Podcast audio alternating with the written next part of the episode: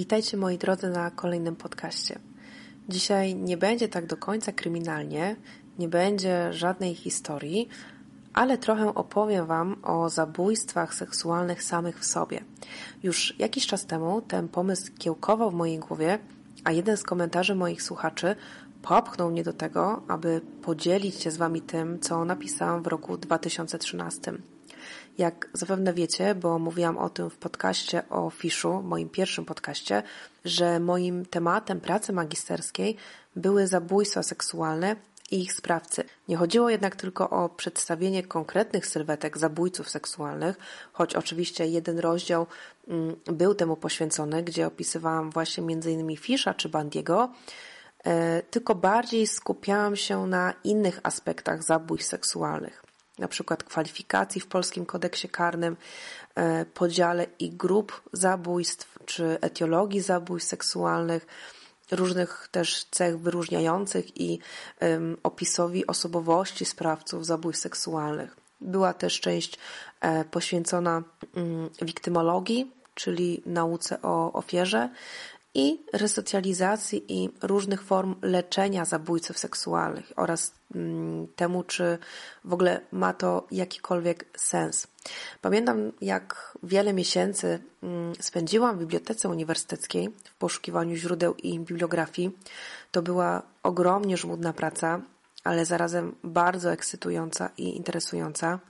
Bałam się, że przy takim temacie nie będzie za dużo publikacji, ale bardzo mile się zaskoczyłam, gdy okazało się, że jest bardzo dużo tej literatury. Teraz pewnie jest tego kilka razy więcej, bo jednak od 2013 roku wiele publikacji na, na pewno doszło e, związanych właśnie z zabójstwami seksualnymi.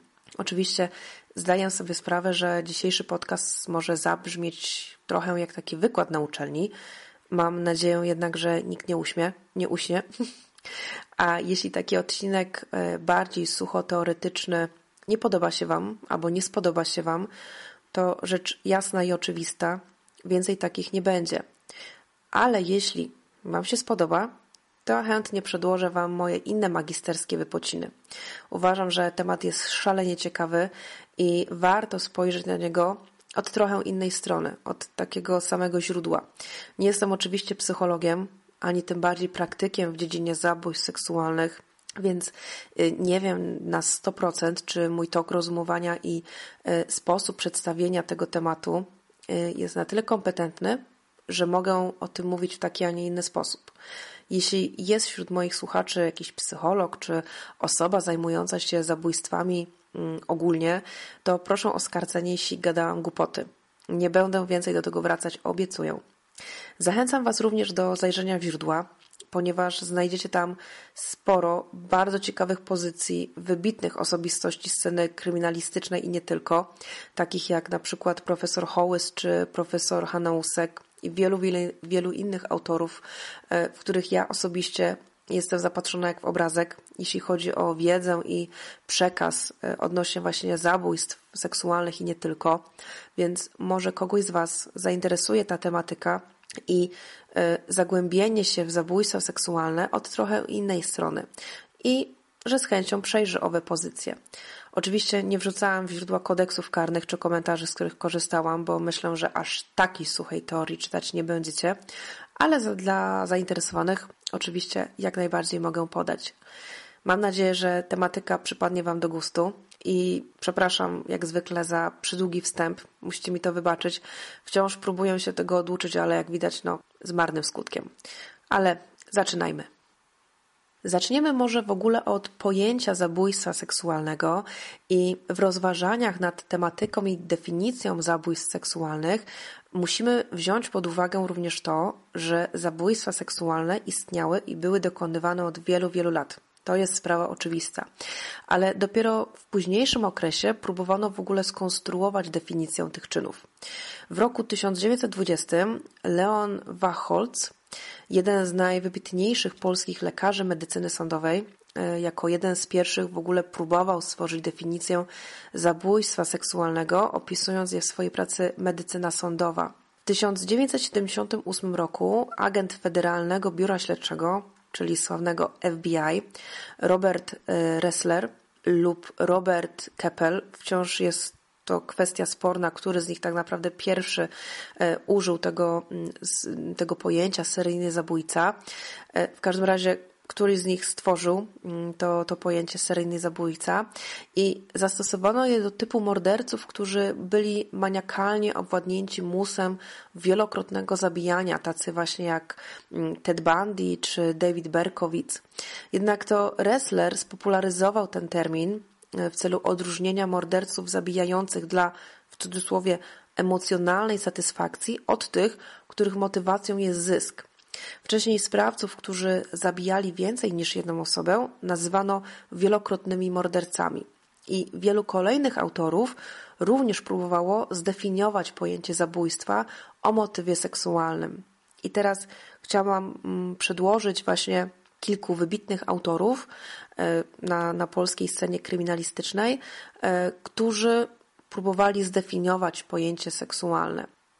Tadeusz Hanausek, prawnik i polski profesor kryminalistyki, określił zabójstwo seksualne jako doprowadzenie przez sprawcę do śmierci drugiej osoby, które musiało pozostać w związku z wytworzeniem, utrzymaniem i zaspokojeniem popędu płciowego. Podkreślę, że pojęcia zabójstwa seksualnego nie będzie mogło być zakwalifikowane między innymi do zabójstwa zazdrości, czyli do tak zwanego zabójstwa erotycznego. Krańcowym etapem e, zaspokojenia tego zboczonego popędu jest właśnie czerpanie doznań seksualnych przy okaleczaniu ofiary, e, oglądaniu jej męczarni i agonii, e, nawet doprowadzając ofiarę tym właśnie do, do samej śmierci. Niekiedy występuje też tak zwany wampiryzm, czyli wysysanie lub picie krwi ofiary, która płynie z jej ran. Czyli nie jest to bezpośrednio gryzienie ciała, tylko wypijanie tej krwi, która już właśnie wypływa z tych ran. I cały problem polega na tym, że zabójca nie zaprzestaje mordów na jednej ofierze, ponieważ rozpoczyna poszukiwania nowej ofiary, by móc kontynuować mm, swoje mordercze dzieło. I z tego powodu zaczęto nazywać takie morderstwa morderstwami z lubieżności, czyli tak zwane lustmord początek lub nawrót tego zboczonego popędu płciowego może być spowodowany także przez różnego rodzaju choroby somatyczne, psychiczne, wszelkie odchylenia, które mogą mieć wpływ na e, obniżenie hamulców w strefie uczuciowej i emocjonalnej, bo jak wiemy bardzo często zabójcy, nie tylko seksualni, ale ogólnie mają w pewnym momencie są wyłączeni z jakichkolwiek uczuć, z jakichkolwiek właśnie strefy uczuciowej, emocjonalnej, co już na pewno wielokrotnie czytaliście czy oglądaliście, że ci ludzie są wyłączeni. Oni nie odczuwają żadnych emocji podczas tego, co robią drugiemu człowiekowi. Zboczenia te występują także u osób, które są niedorozwinięte umysłowo, bo też niejednokrotnie się zdarzało, że faktycznie podczas badań mm, okazywało się, że e, niektórzy mordercy czy mm, zabójcy miewali właśnie problemy e, z niedorozwinięciem umysłowym. I odchylenia w sferze seksualnej mają miejsce, kiedy jednostka ma możliwość zaspokojenia naturalnie swojego popędu, ale woli obrać sposób zboczony, Natomiast zboczenia zastępcze mają miejsce, gdy zaspokojenie popędu w sposób zboczony jest koniecznością z powodu problemów z normalnym zaspokojeniem popędu seksualnego, co również wielokrotnie mm, mieliśmy mm, do czynienia u wielu właśnie zabójców, którzy nie byli w stanie e, zaspokoić tego popędu seksualnego w taki normalny, w cudzysłowie, sposób, jak mm, inni ludzie, tylko właśnie mm, to podniecenie, to zaspokojenie popędu seksualnego e, wiązało się z koniecznością mm, wytworzenia takich dosyć ekstremalnych warunków, właśnie jak e, zamordowanie drugiego człowieka. Więc można stwierdzić, że zabójstwa seksualne to czyny o motywach seksualnych, w których sprawca, chcąc zaspokoić swój odbiegający w cudzysłowie od normy zboczony popęd seksualny doprowadza w brutalny i taki okrutny sposób do śmierci niekiedy więcej niż jedną osobę, ponieważ wciąż, wciąż już się naprawdę momentami wysłowić nie mogę, wciąż odczuwa coraz większą potrzebę e, zaspokojenia tego chorego popędu, który nasila się w momencie agonii i śmierci ofiary, bo zapewne też wielokrotnie czytaliście, że kulminacyjnym momentem e, zaspokojenia tego mm, popędu seksualnego jest właśnie śmierć ofiary, czy patrzenie na jej agonię, kiedy e, już dosłownie ostatnie chwile ta ofiara swojego życia ma, to właśnie w tym momencie zabójca doznaje ogromnego doznania seksualnego. Ale oczywiście sprawca czerpie mm, również satysfakcję tą seksualną po śmierci ofiary, dokonując niekiedy e, dalszych manipulacji przy zwłokach, próbując dokonać e, stosunku seksualnego, czyli dopuszcza się nekrofilii, bądź okalecza je e, w taki sposób właśnie pastwiąc się nad tym ciałem, albo co też niejednokrotnie było w historii, w historiach różnych morderców, że zabiera ze sobą trofea tego ciała, e, które w dalszym etapie przypominają mu i dodatkowo wzbudzają mm, to jego pożądanie i chęć do kolejnych morderstw, widząc, że nie zostaje e, przez jakiś dłuższy czas niekiedy złapany przez policję. I to by było na tyle, jeżeli chodzi o takie ogólne, mm, y, ogólne pojęcie zabójstwa seksualnego. Myślę, że możemy sobie teraz przejść do mm, takiego podziału czy mm, grup i klasyfikacji zabójstw seksualnych, który został stworzony przez różnych autorów. To jest bardzo ciekawy i powiedziałabym bardzo rozbudowany podział. I zacznę może od um, podziału, który ustanowił pułkownik dr Tadeusz Rydzek, który dzielił zabójstwa seksualne na zabójstwo z lubieżności, zabójstwo osoby, które zostały zgwałcone przy tego rodzaju typach zabójstw mogą wystąpić trzy sytuacje. Właśnie przy tych zabójstwach osoby, które zostały zgwałcone. Pierwsze, ofiara zmarła w efekcie prób przełamania jej biernej lub czynnej obrony przez zabójcę w momencie gwałtu. Drugie, sprawca chce dokonać gwałtu i zdaje sobie sprawę z oporu ofiary, jednak jego chęcią nie jest zabójstwo, ale co następuje w momencie przełamania oporu ofiary, chęć pozbycia się świadka e, i występuje również pojęcie śmierci gwałtownej, którego nie można zaliczyć do zabójstw seksualnych, ale zabójstwa te zabierają co niektóre ich szczegóły. Przykładem może być na przykład sytuacja, w której ofiara gwałtu zaczyna się bronić, w efekcie czego sprawca ponosi y, śmierć. Polski lekarz seksuolog e, Kazimierz Imieliński usystematyzował zabójstwa seksualnie następująco. I tutaj mamy też kilka e, podziałów, jest ich aż siedem. E, pierwsze jest to zabójstwo z lubieżności, ponownie. E, zabójstwo podczas walki z oporem ofiary zgwałcenia, czyli podobnie jak u, u pułkownika doktora Tadeusza Rydzeka. Następnie mamy zabójstwa, które mają na celu udaremnienie wezwania pomocy przez ofiarę, zabójstwa w momencie orgazmu, częstokroć przy ograniczonej świadomości sprawcy, jako dalszą część pokonywania obrony ofiary, nie zawsze mające na celu jej śmierć. Następnie mamy zabójstwa mające na celu zatajenie przestępstwa, jak również pozbycie się niewygodnego świadka, zabójstwa, które zostało upozorowane na zabójstwo seksualne, mimo że zostało popełnione zupełnie innych motywów. To również wielokrotnie się przejawiało e, u wielu morderców, że zabójstwo było po prostu e, upozorowane na zabójstwo seksualne, a tak naprawdę nim nie było, aby po prostu e, zmylić gdzieś policję i, i, i dochodzenie całe. I ostatnie to jest zabójstwo z lubieżności e, ukierunkowane na nekrofilię. Mam również tutaj podział e, pani psycholog Anny Wolskiej, która dzieli zabójstwa seksualne na dwa rodzaje. Pierwsze to zabójstwa, które są popełnione dla wytworzenia, utrzymania lub e, nasilenia popędu seksualnego lub też dla zaspokojenia popędu już po akcie płciowym z ofiarą, który nie przyniósł zabójcy spodziewanej satysfakcji i drugi to zabójstwa z lubieżności, czyli takie zabójstwa, które są popełnione zamiast stosunku płciowego.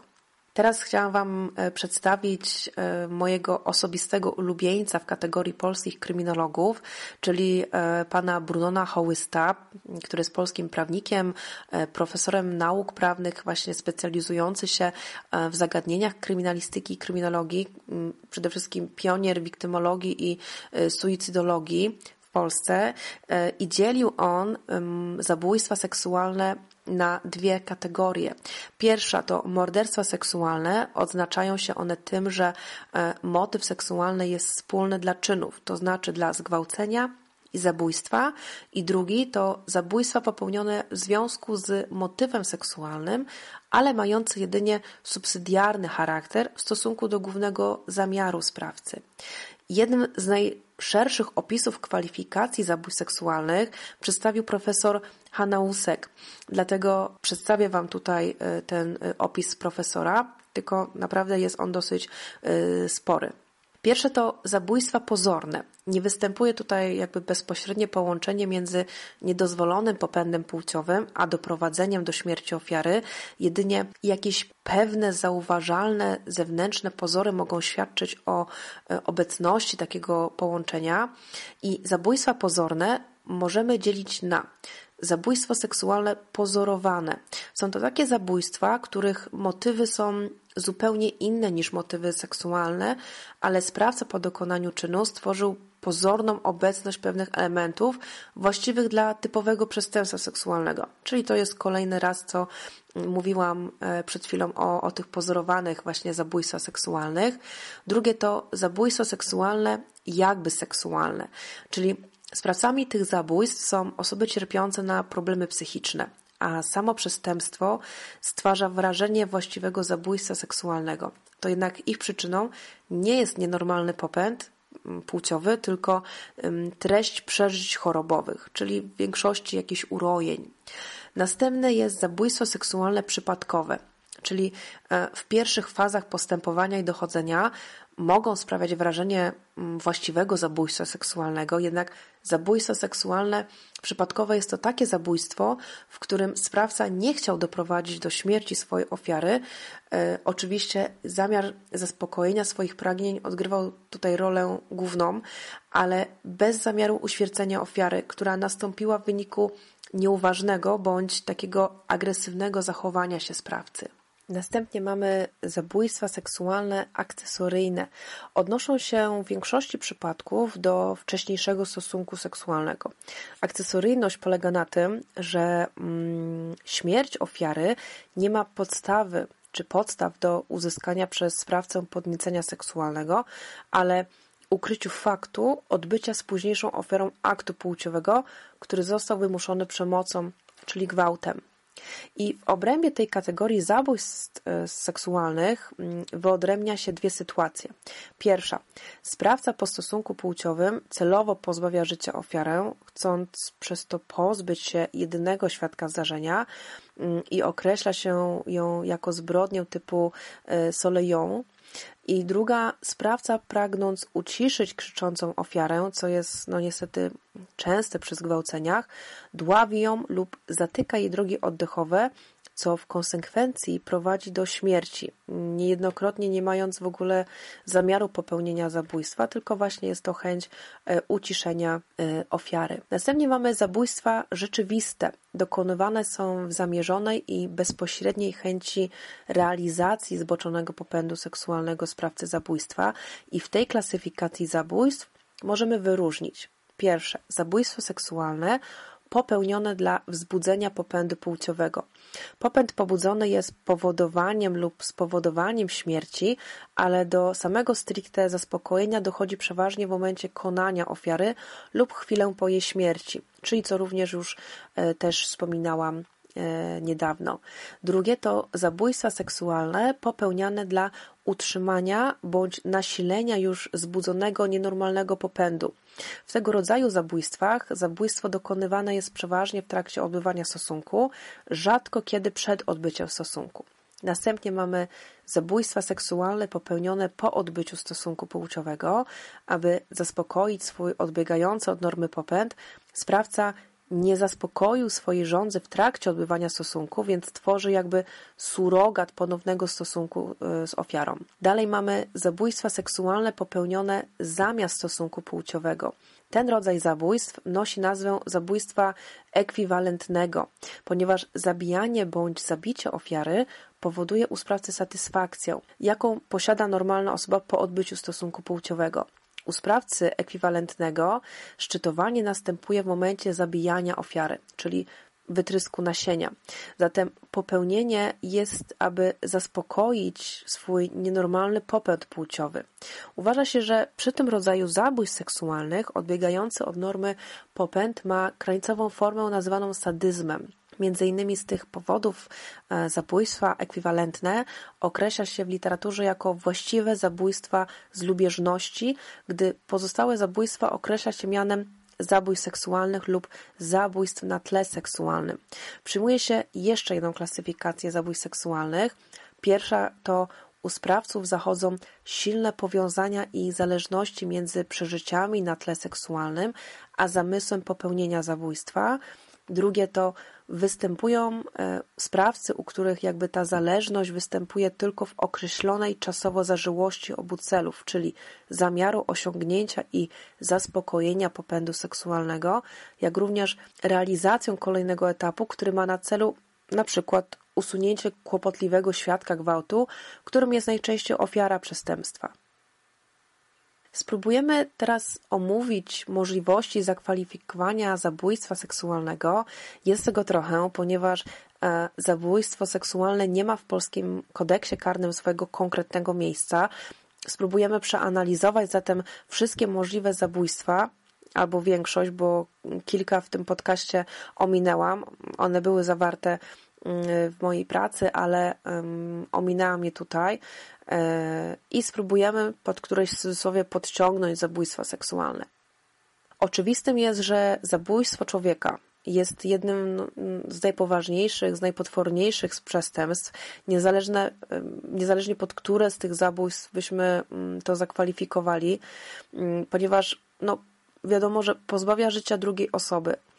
Kwestia odpowiedzialności za to przestępstwo zostało już uregulowane w kodeksie karnym rosyjskim z 1903 roku, obowiązującym na ziemiach polskich byłego zaboru rosyjskiego i Kresach Wschodnich, w którym artykuł 453 stanowił winny zabójstwa ulegnie karze ciężkiego więzienia na czas od 8 do 15 lat, jak również w kodeksie karnym z roku 1932 Zgodnie z tamtejszym artykułem 222 paragraf 1, kto zabija człowieka podlega karze więzienia na czas nie krótszy od lat 5 lub dożywotnio albo karze śmierci.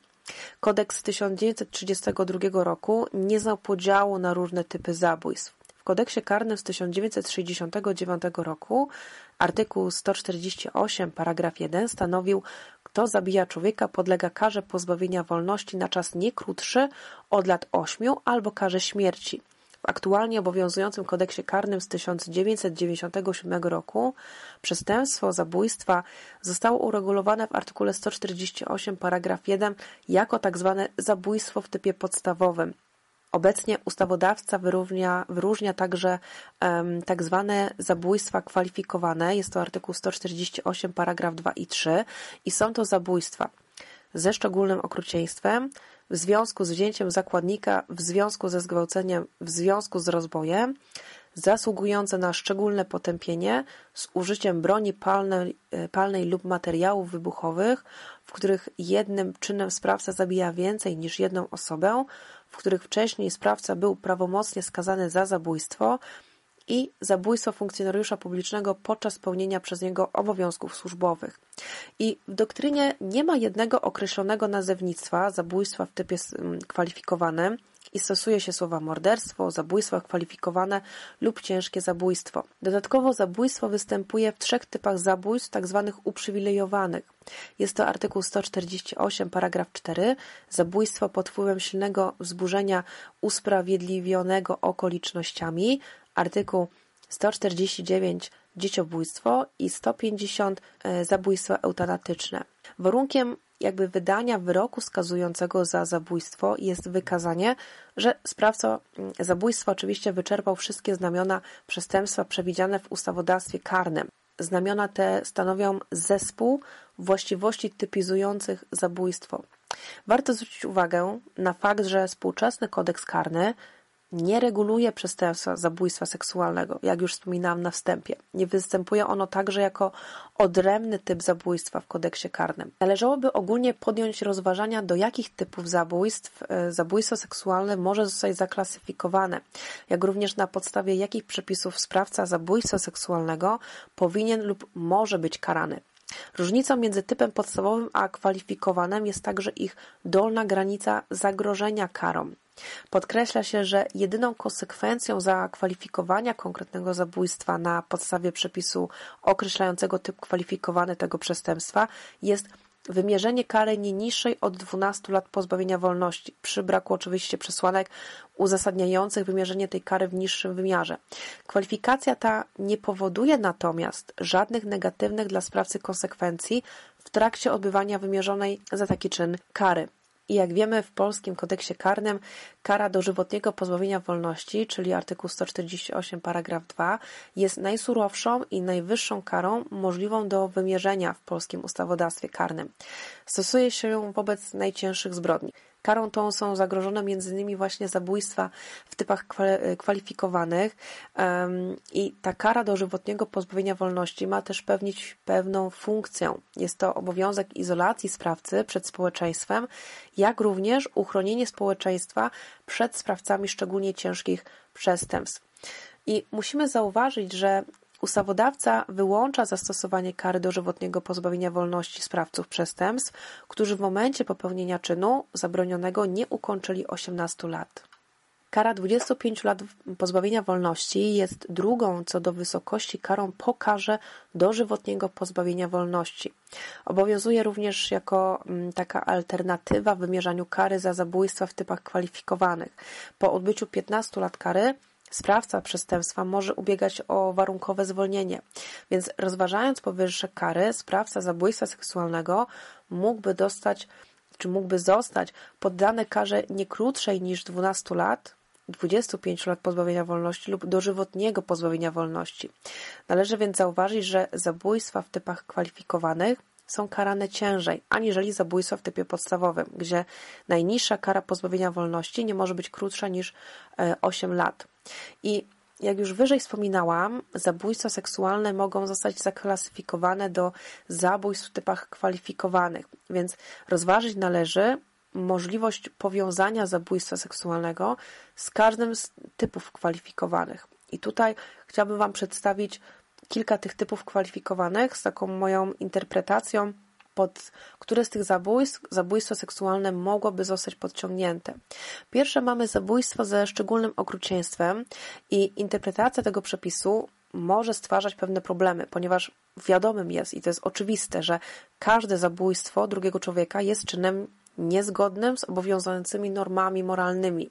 Jednak trzeba przyjąć założenie, że szczególne okrucieństwo ma miejsce, gdy sprawca zadaje ofierze cierpienia przed zakończeniem jej życia. Mogą to być wszelkie tortury, wiecie, jakieś znęcanie się nad nią i to szczególne okrucieństwo występuje wtedy, gdy sprawca zadaje dodatkowych męczarni ofierze, choć przekraczały one potrzebę osiągnięcia zamierzonego celu, to znaczy były zbędne do realizacji tego czynu. Tortury mogą również mieć postać cierpień psychicznych, na przykład poprzez jakieś poniżanie ofiary, wyzywanie ofiary, czyli wszelkie takie mm, znęcania się psychiczne.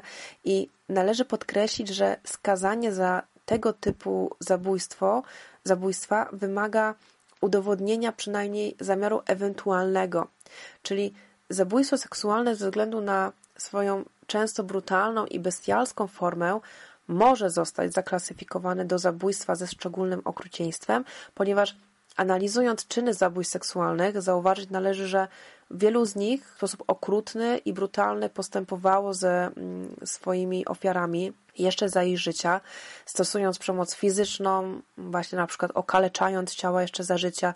Jak wspominałam wyżej właśnie też e, przemoc psychiczną, jak na przykład właśnie upokarzanie ofiary przed jej śmiercią. Następnie mamy zabójstwo w związku ze zgwałceniem i zgwałcenie tutaj oznacza każdą z form tego czynu określonych w artykule 197 paragraf 1 do 3 kodeksu karnego. Związek między nimi musi oznaczać wszelkie powiązania przedmiotowe i podmiotowe obu przestępstw. Warunkiem odpowiedzialności jest e, dokonanie zabójstwa w związku z popełnieniem zgwałcenia.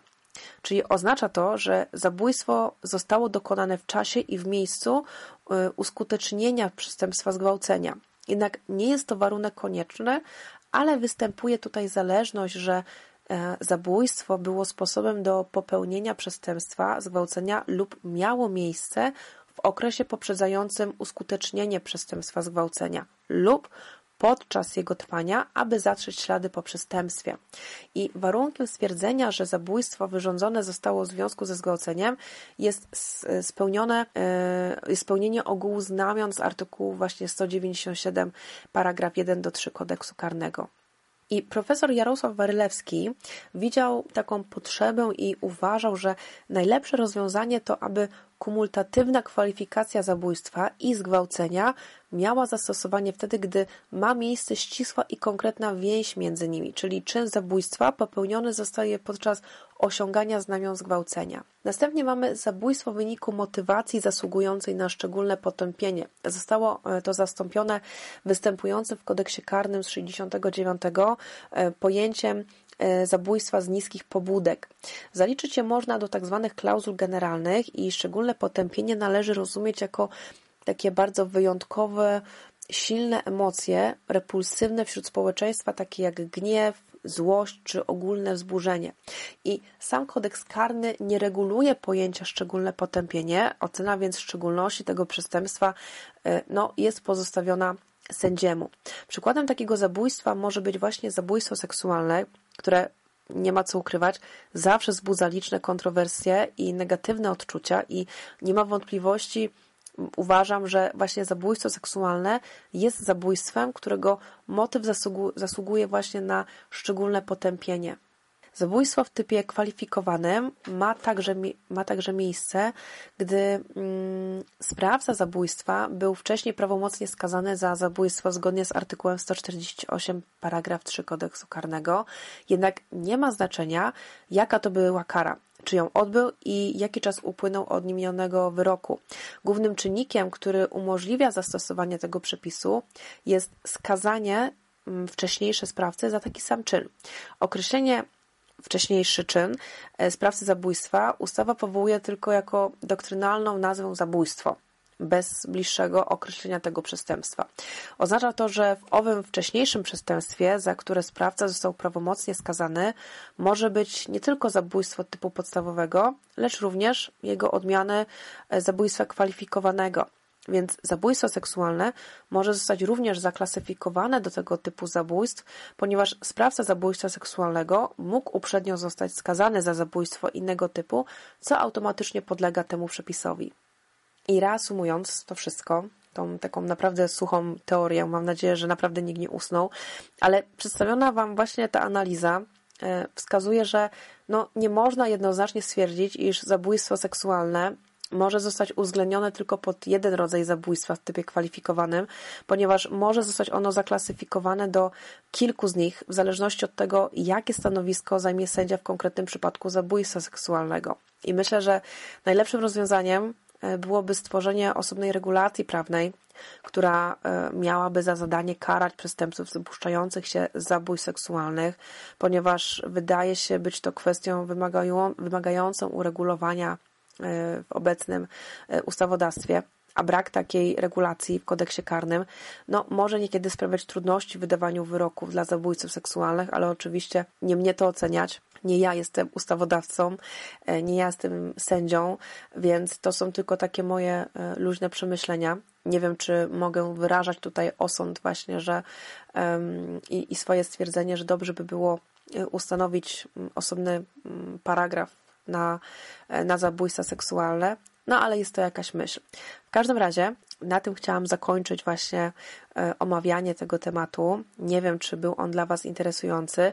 myślałam, że może zacząć jeszcze od mm, takiego mm, działu, który mm, omawia bardziej zabójców seksualnych, jakby taką całą, wiecie, etiologię, takie cechy wyróżniające, czy motywy popełniania zabójstw seksualnych, czy modus operandi, ale stwierdziłam, że jednak dobrze jest zacząć od początku w celu właśnie wyjaśnienia tego wszystkiego. Może nie zdawaliście sobie sprawy z pewnych rzeczy, a może zdawaliście sobie sprawę, może jest e, wśród moich słuchaczy również osoba, która gdzieś jest na bieżąco z tym tematem i mnie poprawi, więc mam nadzieję, że nie było to dla Was zbyt nudnawe, ale myślę, że wyjaśnienie całego tego pojęcia i zjawiska zabójstwa seksualnego, mm, tych mm, jakby grup i klasyfikacji i możliwości kwalifikowania zabójstw seksualnych, mm, no to jest coś, od czego byśmy mogli jakby zacząć ten cały cykl.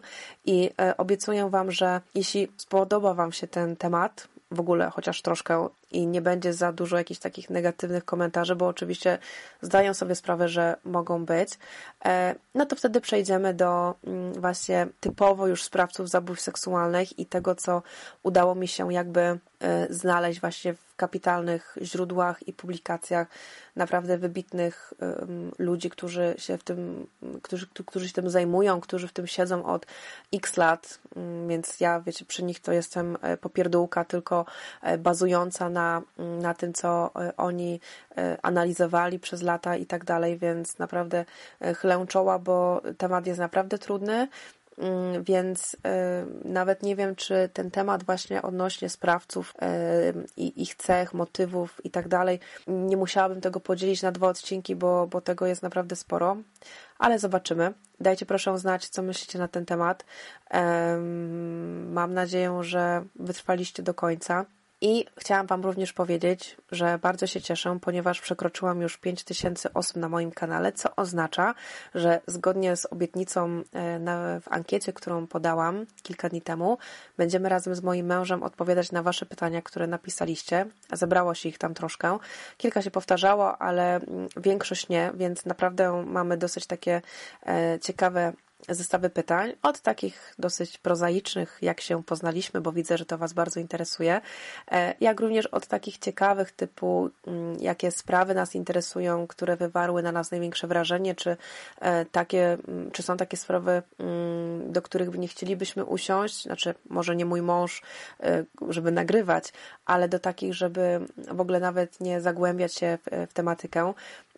Więc mam nadzieję, że uda nam się to nagrać za kilka dni. Zobaczymy. E, ale zapraszam Was już serdecznie na ten, na ten odcinek.